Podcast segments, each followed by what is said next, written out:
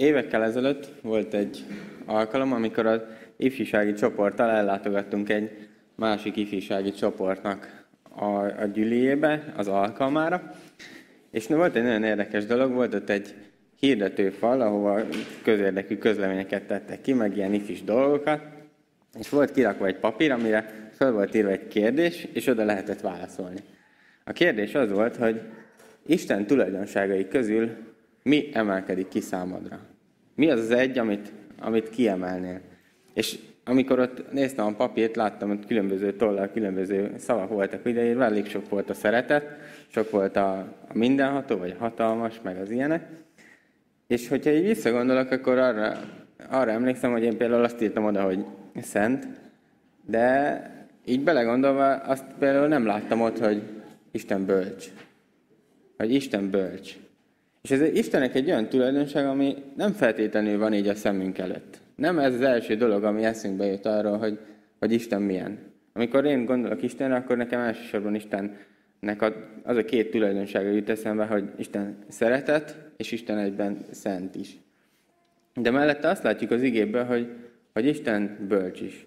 És, sokkal, és milyen érdekes, hogy amikor az igét vizsgáljuk, akkor az nagyon sokszor viszont előjön, hogy, hogy Isten minden tudó. Hogy nincsen semmi olyan ismeret, ami, ami rejtve lenne előtte, hanem ő tud mindent.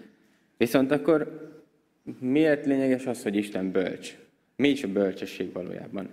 A, mi, mi a különbség a bölcsesség és az ismeret között? Azt így lehetne megfogalmazni, hogy a bölcsesség az az alkalmazott ismeret, vagy a jól, helyesen alkalmazott ismeret. Mert valakinek lehet ismerete, valakinek lehet információja, de hogyha azt nem tudja a helyén kezelni, nem tudja ott alkalmazni, ahol szükséges, akkor, akkor nincs bölcsessége.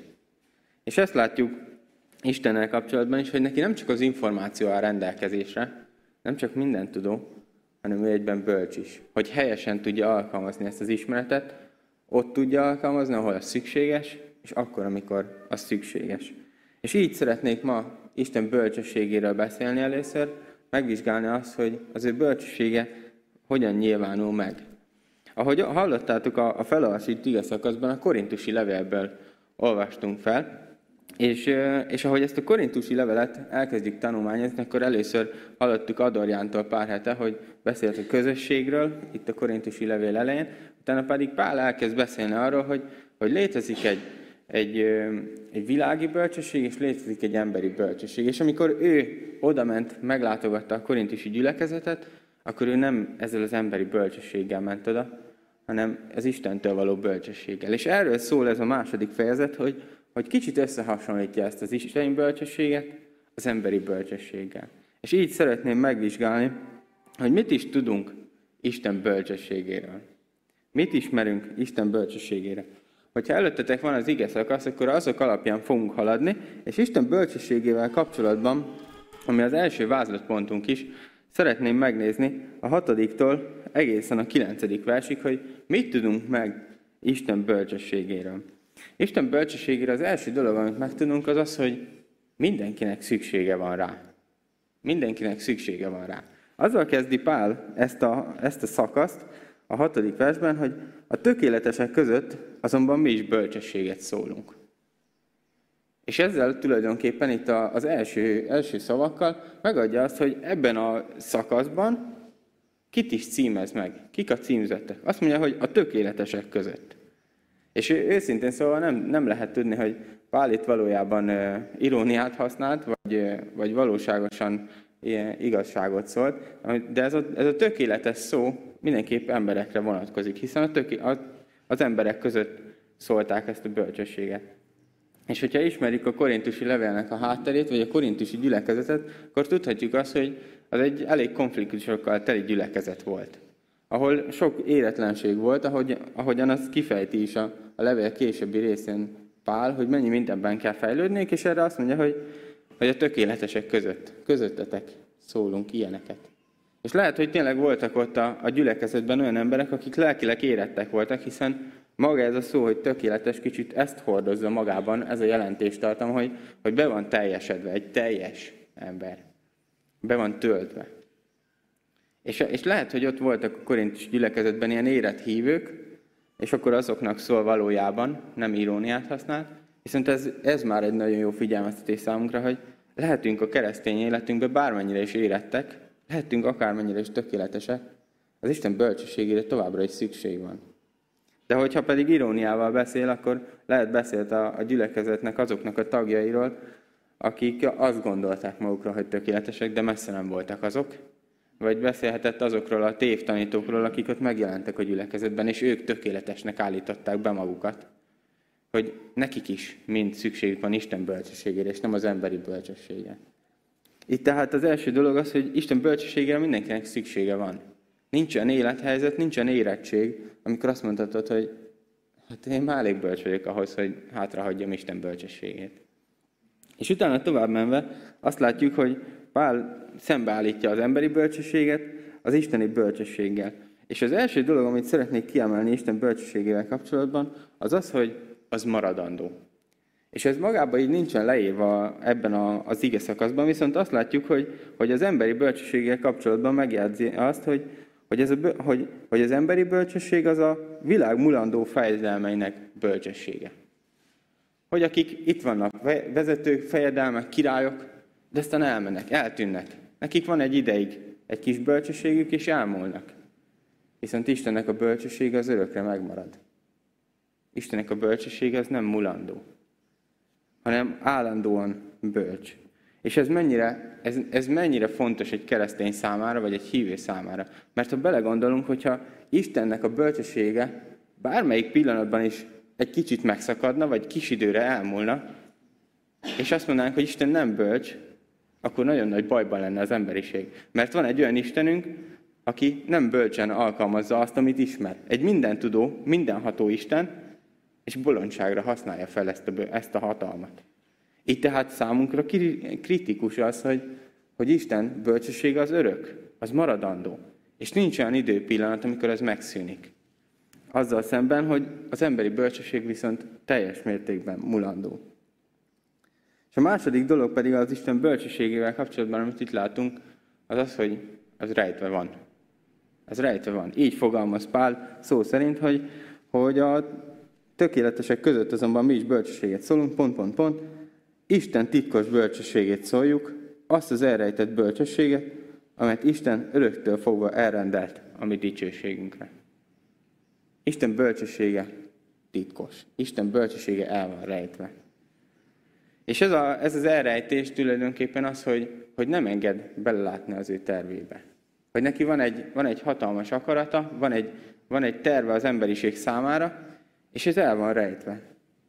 És pont most pénteken beszélgettem a, a Marcival, mert érettségizett töriben, és, és eszembe jutott egy olyan, nem vagyok jó töriben, de eszembe jutott egy olyan dolog, amiben kicsit otthon vagyok, olvastam egy könyvben egy, egy, egy olyan feltevést, hogy, hogy a, a nagy világi felfedezések korában voltak ugyebár Kolumbuszék, meg mások, akik bejárták a, az egész világot hajókkal, és volt az úgynevezett portugál titokpolitika, ezt így, így nevezte a könyv, és azt mondták erről a portugál titokpolitikáról, hogy, hogy valószínűleg a portugálok, akik ott laknak ugyebár a, a, a tenger szélén, vagy a Európa szélén, és akkor köz, könnyű hozzáférésük van ott mindenhez, ők valószínűleg már rég eljutottak mindenhova, ahol az emberek el, el akartak valaha jutni, csak épp ezt eltitkolták.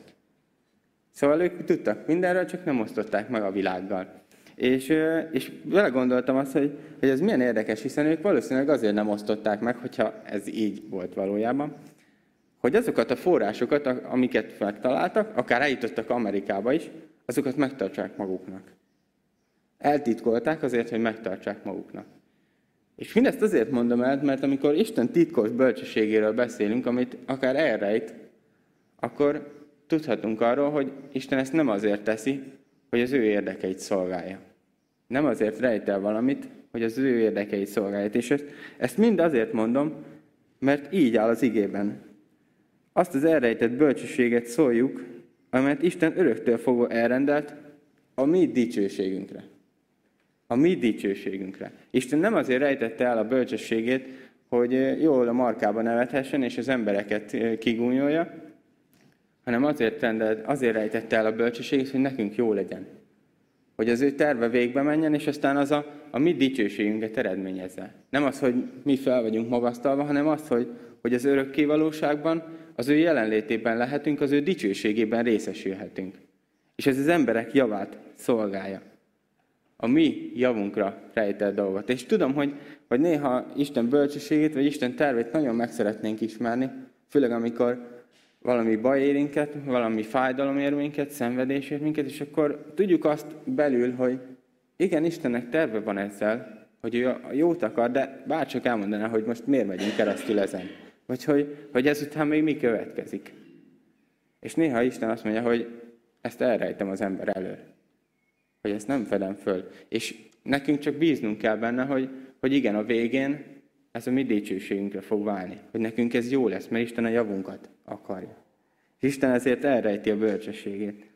És utána tovább megy, és a harmadik dolog, amit a bölcsességgel kapcsolatban tudok mondani, az az, hogy, hogy Isten bölcsessége nem kikutatható. Nem lehet ezt, fel, azt, azt kikutatni. És erre hoz több példát is, mert azt mondja, hogy, hogy ezt a bölcsességet, a nyolcadik versben, ezt a világ fejedelmei közül senki sem ismerte fel.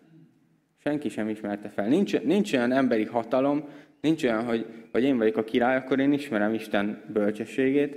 Nincs olyan emberi hatalom, ami ki tudja kutatni Isten bölcsességét. Aztán tovább megy, és idéz egy idézetet Ézsaiás könyvéből, és azt mondja, hogy amit szem nem látott, fül nem hallott, és ember szíve meg nem sejtett, azt készítette el Isten az őt szeretőknek. Az ő bölcsességét úgy elrejtette, hogy azt emberi érzékekkel nem lehet, nem lehet megismerni. A szem, szemmel nem lehet látni, füllel nem lehet hallani, a szíveddel nem lehet megérezni vagy megsejteni, hanem az el van rejtve. Így Isten bölcsessége ilyen módon is rejtett. De akkor minek is beszél Pál arról, hogy létezik Istenek ez a titkos bölcsessége?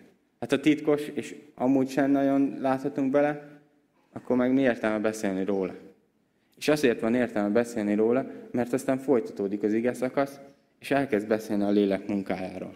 És itt megyünk szépen tovább a, a második vázlatpontunkra, amely aztán a tizedik verstől kezdődik, és, és elkezd beszélni arról, hogy bár Isten bölcsessége nem kikutatható emberi módon, mégis van egy mód, ahogyan az megérthető. Ahogyan ez a rejtett bölcsesség számunkra elérhető lesz. Ez pedig a lélek által. A szent lélek által. És itt szeretnék beszélni arról, hogy, hogy valójában mit is végez a szent lélek. Mit találunk ebben a szakaszban, amit a szent lélek Szentlélekről mond Pálapostól. Ezzel kezdi a, a tizedik versben, hogy nekünk pedig kinyilatkoztatta Isten a lélek által, mert a lélek mindent megvizsgál, még Isten mélységeit is. A lélek mindent megvizsgál, még Isten mélységeit is. A Szentlélek munkájának az egyik fő profilja az az, hogy ő mindent megvizsgál.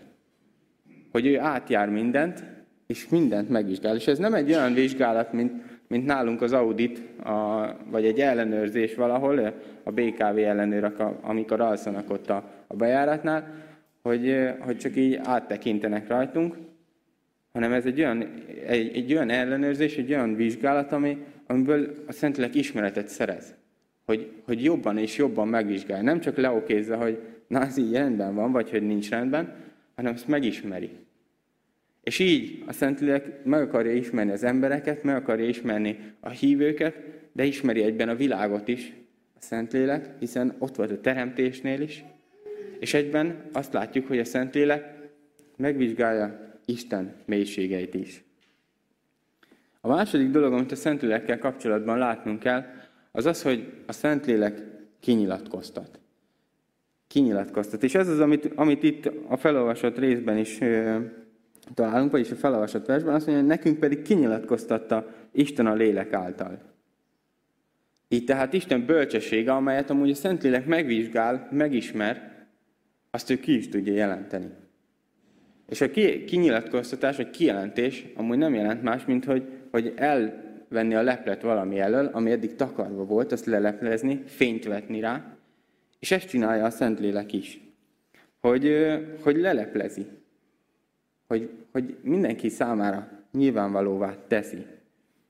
És ennek, ennek mind az a célja, hogy, hogy aztán az emberek, a hívők, akik ezt a, ezt a felismerést megkapják a Szentlélektől, azok igazodjanak Isten tervéhez.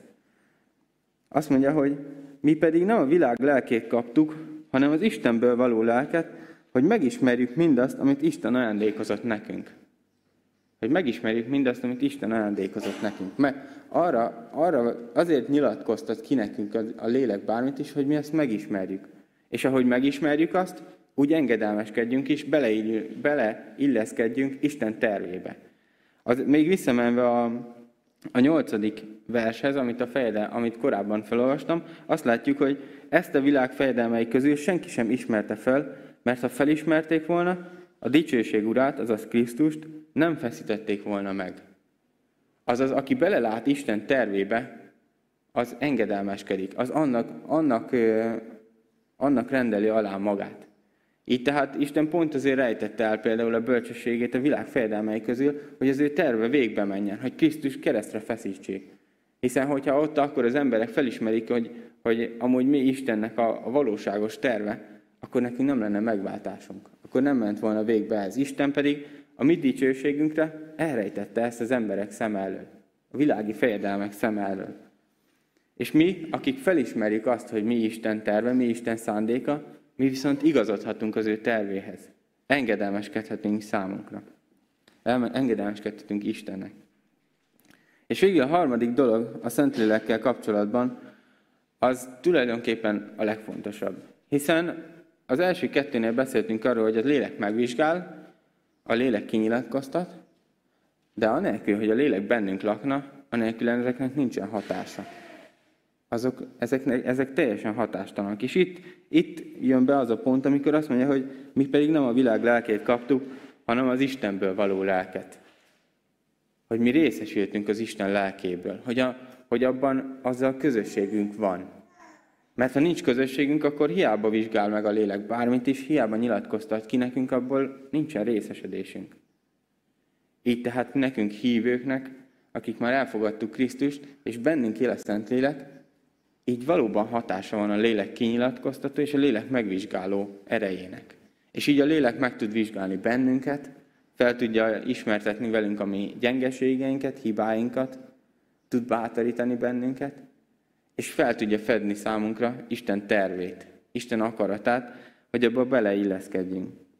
És ahogy meg tovább megyünk, azt látjuk, hogy ezáltal, hogy a lélek bennünk lakik, megismerhetjük Isten ajándékait. Ezt mondja a, a 12. versben, hogy azért kaptuk a lelket, hogy megismerjük mindazt, amit Isten ajándékozott nekünk. És amikor Isten ajándékaira gondolunk, akkor annak se szeri, se száma, hogy ilyen szép kifejezéssel éljek.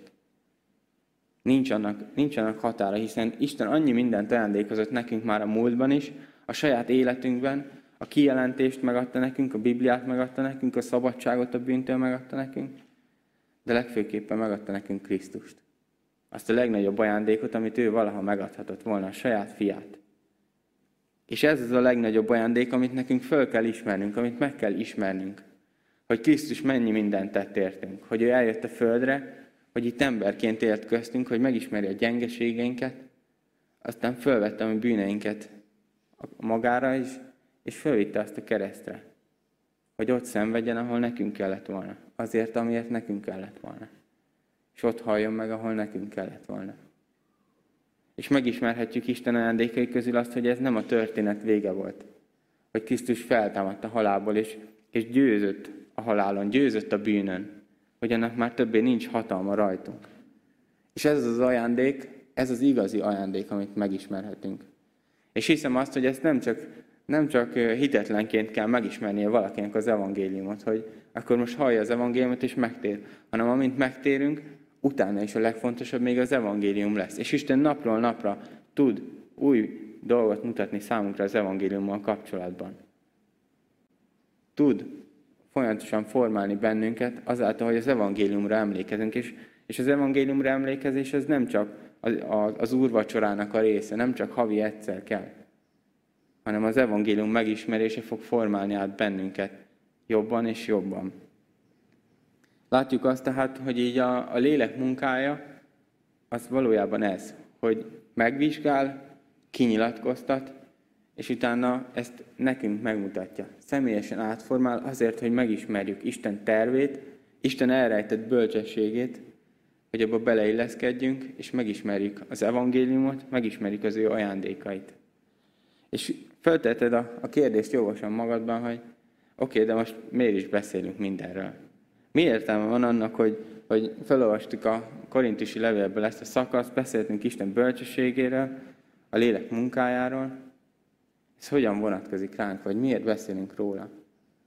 És erre a válasz az, hogy, hogy pár hét múlva, két hét múlva pünkös lesz. Pünkösnek az ünnepét ünnepeljük, ami egy, egy ószövetségi ünnep, az aratásnak a, a, a, az ünnepe, ahol befejezték a gabonáknak az aratását, és azt, azt, azt Istennek tulajdonképpen megköszönték, és Isten ezt az ünnepet átformálta az új szövetségben, és azt mondta, hogy ez az ünnep lesz a, a Szentlélek kitöltésének az ünnepe. Amikor én elköld, elküldem a Szent Lelket, hogy a hívők részesülhessenek benne. És ez lesz két hét múlva is. Ez az, amire szeretnénk gyülekezeti szinten készülni. Hogy már most készüljünk erre az ünnepre, hogy ne egy olyan ünnep legyen, ami jön, és aztán elmegy. Amit csak túlélünk. Hanem tudjunk szívben koncentrálni arra, hogy mi is történt akkor és ott.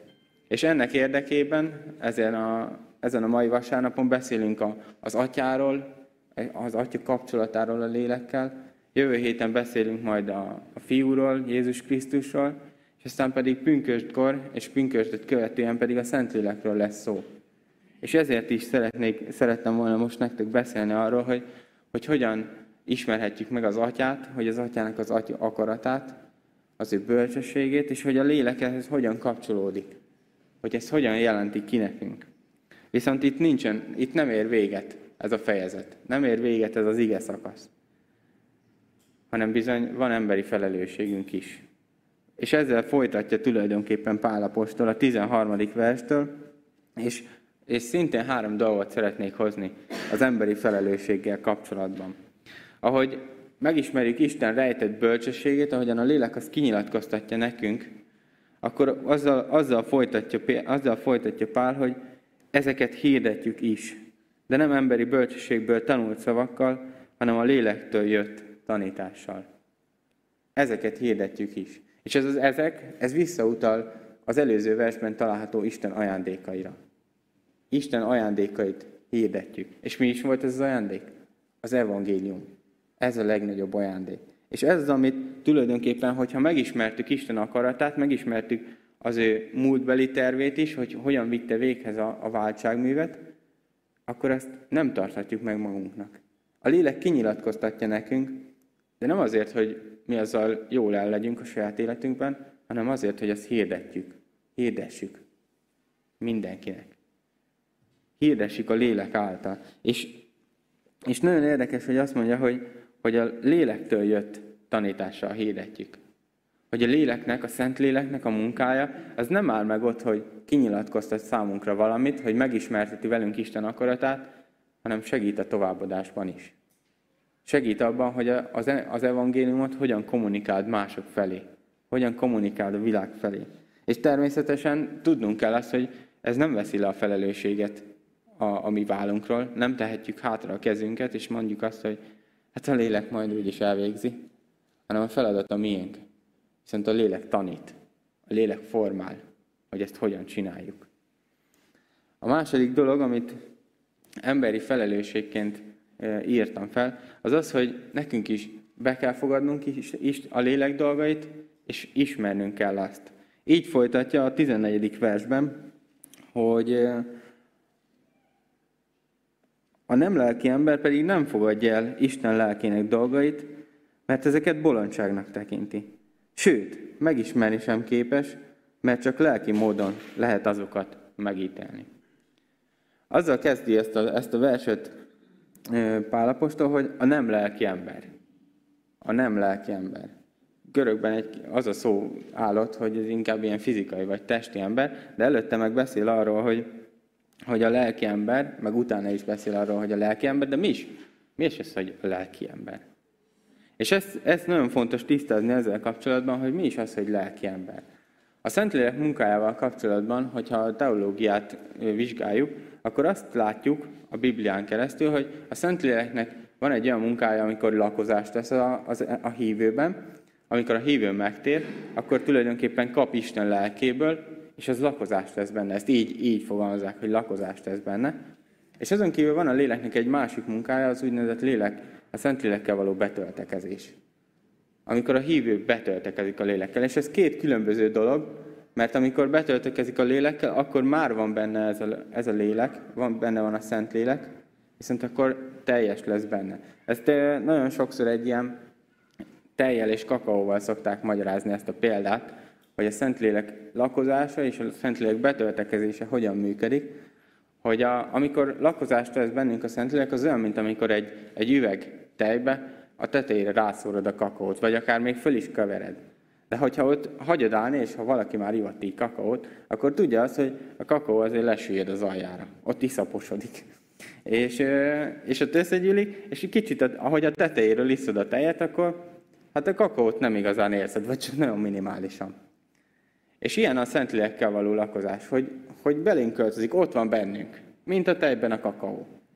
De ül az alján, hogyha nem foglalkozunk vele. És amikor pedig a betöltekezésről beszélünk a lakozás után, akkor az olyan, mint amikor a kakaót fölkeverik.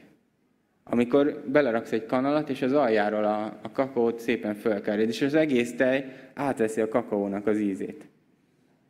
És bárhonnan is innád, akár a tetejéről, akár az aljáról azt a tejet, akkor érezni fogod a kakaónak az ízét. És ilyen, amikor a Szentlélekkel betöltekezik valaki. És ez nem egy, ez nem egy egyszerű folyamat, a, nem, nem is egyszerű, de nem is egyszerű a, a hívő életében, hiszen a Szentlélekkel újra és újra be kell töltekezni. Nincs egy olyan folyamat, amikor azt mondod, hogy én már betöltekeztem a lélekkel, és akkor innentől fogva így viszem végig a hívő életemet, hanem ez egy konstant odafigyelés a Szentlélekre. A tőle való teljes függés folyamatosan. És hívőként ezt tudjuk, hogy ez teljességgel lehetetlennek tűnik. De ezért hív arra az ige, hogy újra és újra töltekezzetek be a Szentlélekkel. Engedjétek, hogy ő vegy át az irányítást az életetek fölött. Hogy minden helyzetben betöltekezzetek. És, ezért, és ezt mind azért mondtam el, mert itt Pál beszél arról, hogy ki a lelki ember, és ki a nem lelki ember. És amikor a nem lelki emberről beszélünk, akkor akkor persze beszélhetünk a, a hitetlen emberekről, akiknek nincs meg a Szentlélek, de ugyanakkor kicsit beszélhetünk a hívőkről is. És ezt, ezt mind azért mondom, mert aztán, ha lapoztok egyet, vagy a következő fejezetre mentek, akkor a harmadik fejezetben azzal folytatja Pál apostol, hogy én tehát testvéreim, nem szólhatok hozzátok úgy, mint lelki emberekhez. És folytatja a mondani valóját. És Pál apostol a testvéreinek nevezi. Azt mondja, hogy ti hívő testvérek vagytok, viszont nem vagytok lelki emberek. Nem vagytok betöltekezve a Szentlélekkel. Nem a Szentlélek szerint éltek, hanem testi módon éltek. És ezért gondolom azt, hogy, hogy itt, amikor a, a nem lelki emberről beszélünk, akkor nem csak a hívők, hitetlenekről beszélünk, hanem bizony vannak olyan hívők, akiknek a kakaó lesüllyedt a, a tej aljára akiknek az, akik a szent lelket csak úgy berakták a sarokba az életükben, és aztán élik tovább az életüket úgy, ahogy van. És ezeknek a, az embereknek tulajdonképpen figyelmeztetést ad Pál, és azt mondja, hogy, hogy ők nem tudják befogadni a lélek dolgait. Hogy nem, nem tudják elfogadni azt, mert bolondságnak tekintik. És őszintén szóval mindannyiunknak lehet az életében olyan, amikor, amikor a lélek dolgait bolondságnak tekintjük. Amikor Isten kér tőlünk valamit, és, és emberi módon azt mondjuk, hogy de, de Istenem, ezt hogy gondoltad? Lehet nem mondjuk ki, hogy na, ez egy nagy bolondság, de kicsit ez van benne, hogy megkérdejelezzük Istent, megkérdejelezzük az ő akaratát. És tulajdonképpen bolondságnak tekintjük. És nagyon érdekes, hogy, hogy Pál ezt a bolondság szót már használta közvetlen az előtte lévő fejezetben. És ez azt mondja az első fejezet 18. versében, hogy mert a keresztről szóló beszéd bolondság ugyanazoknak, akik elvesznek, de nekünk, akik üdvözülünk, Istennek ereje. Istennek ereje. És ez a nagy különbség, hogy, hogy valaki bolondságnak tekintheti a lélek dolgait, az Isten evangéliumát is akár, de nekünk hívőknek ez tud Isten ereje lenni. Vagy amikor a lélek dolgaival foglalkozunk, az, az számunkra bátorítást ad, számunkra erőt ad. És erre hívja fel tulajdonképpen a, a korintusiakat, hogy, hogy ne legyetek olyan, mint a, lelki, a, a nem lelki emberek, akik nem tudják befogadni a lélek dolgait, mert bolondságnak tekintik. Hanem tekintsétek azt erőnek, és fogadjátok be. És mennyire érdekes, hogy, hogy tulajdonképpen két szintet ad meg számunkra Pálapostól. Azt mondja, hogy nem képesek befogadni a lélek dolgait, sőt, megismerni sem képesek. Azt mondja, hogy, hogy ezzel nem áll meg a, a, a folyamat, hanem hogy azok után, hogy befogadtad azt, azután ismerd meg jobban és jobban. Ha befogadod a lélek dolgait, ha elfogadod az életedben, és erőnek tekinted azt, akkor azt ismerd meg jobban és jobban. Lelki módon lehet azokat megismerni, ezt mondja. Hogy a, a Szent Lélek erejét használt fel arra, hogy, hogy megismerd azt, amit Isten kinyilatkoztat neked a lelke által. És, és mint lelki embernek utána tovább megy, és ez a harmadik dolog, amit, amit felelősségnek írtam fel a lelki ember számára, azt mondja, hogy a 15. versben a lelki ember azonban mindent megítél, de őt senki nem ítéli meg. Vagy őt senki sem ítéli meg. És ez egy milyen érdekes dolog. Milyen érdekes ez az igevers. Nem mondanám, hogy, hogy kiraknánk a gyülekezetünk falára, vagy, vagy az esküvői meghívónkra, hogy a lelki ember mindent megítél, de őt senki nem ítéli meg. Hát milyen beképzelt ez a lelki ember, hogy ezt senki nem ítélheti meg. És szeretném ezt a verset kicsit kibontani számotokra. A lelki emberről beszéltünk, amikor ugyebár egy, egy ember betöltekezik a Szentlélekkel, amikor folyamatos függésben él a Szentlélektől. Amikor minden útján a Szent Lelket követi. És azt mondja, hogy, hogy, a, hogy így tulajdonképpen a lelki ember mindent megítél. Azaz, hogy képes fölismerni Isten szándékait, és megítélni, hogy az ő életében az, annak hol a helye. Hogy, hogy ő azt hogyan alkalmazza. És utána azt mondja, hogy de őt senki sem ítéli meg. Senki sem ítéli meg. És amikor ítéletről beszélünk, akkor nagyon könnyen eszünkbe jut az, hogy hát ez a másik ember engem megítélt, vagy hogy én ah, csúnyán öltözött fel valakit, elítélem a gyülekezetben. És az ítélkezés az, az egy nagyon érdekes dolog, hiszen jön az egyik embertől, és aztán valahogy lecsapódik a másik emberbe, valahogy megérkezik a másik emberben. És lehet, hogy úgy ítélkeznek a lelki ember fölött, itt ebben a, a versben is, hogy tényleg furán néznek rá, valami miatt elítélik, de ahogy a görögöt vizsgáljuk, akkor azt olvasjuk, hogy ő senki által nem ítéltetik meg. Egy ilyen passzív szerkezetben van. És, le, és úgy gondolom, hogy, hogy ez tulajdonképpen beszél arról, hogy, hogy ha valaki a Szentlélek szerint él, lelki emberként él, az még továbbra is kaphat kritikát a gyülekezetben. Továbbra is mondhatják rá akár a, a zsémbes emberek, hogy na ezt rosszul csinálta. Hamaszt rosszul csinálta. Viszont ez, ez az embertől elindul, egy embertől elindul, viszont a lelki ember, ez lepattog róla. Őt senki sem ítélheti meg. És miért nem ítélheti meg? Azért, mert ő lelki módon él. A szent lélek szerint él. És mondhatjátok, hogy fú, akkor ez egy nagyon jó dolog, mert akkor én is a szent lélek szerint fogok élni, és akkor senki nem ítélhet meg, nem, nem tartozok senkinek azzal, hogy én, én megfeleljek neki, de az a figyelmeztetésem, hogy bizony a Szentléleknek megfelelni az nagyobb dolog, mint embereknek megfelelni. Nagyobb feladat a Szentléleknek, a Szentlélek szerint élni, a Szentlélekkel betöltekezve élni, mint embereknek megfelelni is. És mindebből a bátorításom számotokra az lesz, hogy a lelki ember ne az emberek tetszését keresse. Ne azt keresse, hogy a gyülekezetben vagy a világban kinek kell megfelelni, hanem azt keresse, hogy a Szentléleknek hogyan tud megfelelni. Az Istennek hogyan tud megfelelni.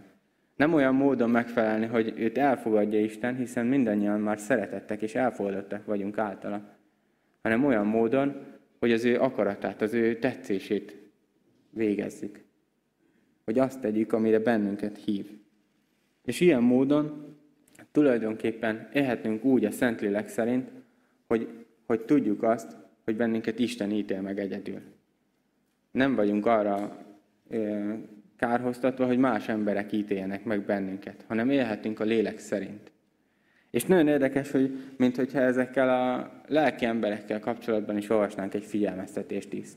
Olvassuk azt, hogy őt senki sem ítéli meg, és hogy hú, de szuper, király hívő, hogy ő be van töltekezve a Szentlélekkel, viszont utána tovább megy, és azt mondja közvetlen az utána lévő versben, hogy mert kiértette meg az Úr szándékát, hogy ő, őt kioktathatná. Bennünk pedig Krisztus értelme van. És azt mondja, hogy, hogy ez a, a lelki ember, bár, Kriszt, bár a Szentlélek szerint él, és igazodik mindenben hozzá, de attól még ő se jutott el olyan szintre, hogy az Isten akaratát kioktathatná. Hogy neki, hogy felülírhatná azt, amit ő mond. És élhetünk akármennyire, és a Szentlélek szerint nincs jogunk felülírni Isten akaratát. Nem jutunk el, nincsen olyan lelki szint, amely azt mondja, hogy én már jobban tudom, mint Isten. Hanem bennünk Krisztus értelme van, ezt mondja a végén, és ez az értelem arra való, hogy felismerjük Isten akaratát. Nem arra, hogy, hogy fölülírjuk azt, hanem hogy felismerjük, és ezt cselekedjük. Tehát lelki emberként nagyon-nagyon fontos az, hogy, hogy hirdessük Isten akaratát. Megosztjuk azt, amit a lélek kinyilatkoztatott számunkra, és ezt ne, ta, ne megtartsuk magunknak. Nagyon fontos az, hogy, hogy a lélek, a lélek dolgait, azt, azt erőnek vegyük, ne bolondságnak. Így fogadjuk be a lélek dolgait, végül pedig azt, hogy Isten akaratát keressük. Az Istennek tetsző életet éljük, nem másoknak próbáljunk megfelelni, hanem egyedül Istennek. És végezetül szeretnék hozni elétek három kérdést. Három olyan kérdést, amit, amin érdemes elgondolkodni magatokban. És erre mindenki csak maga fogja tudni megadni a válaszát, és lehet ezt, ezt a kérdéseket hazavinni magatokkal, ezen gondolkodni ezek alapján. Az első kérdés, amelyet megfogalmaztam, az így szól, hogy be vagyok-e töltekezve a Szentlélekkel, és ha nem, akkor mi tart vissza? Be vagyok-e töltekezve a Szentlélekkel, és ha nem, akkor mi tart ettől vissza? A második dolog, a második kérdés, amit, így, amit megfogalmaztam, az így hangzik. Isten bölcsességét bolondságnak vagy erőnek tekintem. Isten bölcsességét bolondságnak vagy erőnek tekintem. Azaz a saját életemben, a gyakorlatban én valójában támaszkodok-e rá. Isten bölcsességét bolondságnak tekintem, vagy erőnek. És végül a harmadik dolog, amit a lelki emberekkel kapcsolatban beszéltünk, hogy Istennek vagy az embereknek akarunk tetszeni. Istennek vagy az embereknek akarunk tetszeni. Bátorítalak benneteket, hogy ezeket a kérdéseket vigyétek magatokkal haza, gondoljátok át, válaszoljátok meg, válaszoljátok meg Istennek. Imádkozzunk.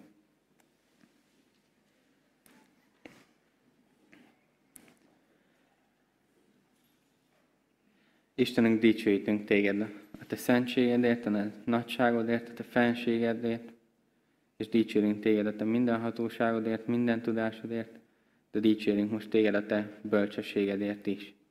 Köszönjük azt, hogy te mindent bölcsen készítesz el számunkra. Köszönjük azt, hogy a, a mi dicsőségünkre dolgozol. Köszönjük azt, hogy a mi érdekeinket tartod szem előtt, mert ennyire szerettél bennünket. És köszönjük a te fiadat is, aki a te tervednek részeként eljött a földre, hogy helyettünk és értünk vállalja a büntetést. Köszönjük az ő feltámadását, köszönjük azt, hogy ő vele való közösség, veled való közösségre hív bennünket. És szeretnénk így eléd jönni, és szeretnénk betöltekezni a te lelkeddel, hogy megismerjük azt az akaratot, amelyet te számunkra szereztél. Szeretnénk megismerni a te tervedet, és szeretnénk beleilleszkedni abba. Kérlek, formálj így bennünket, köszönjük a te lelkedet, amelyet adtál nekünk, segíts nekünk arra támaszkodni minden helyzetben. Kérlek, tölts be vele újra és újra, hadd tudjunk, hadd tudjuk átadni az irányítást az életünk felett, te neked. És szeretnénk így felismerni a te, a te lelked által a mi felelősségeinket az életben, mint lelki emberek, szeretnénk növekedni, szeretnénk hirdetni a te akaratodat, és szeretnénk neked tetsző életet élni. Ezekben mind szükségünk van a te segítségedre. Kérlek, jöjj és formálj át bennünket. Jézus nevében.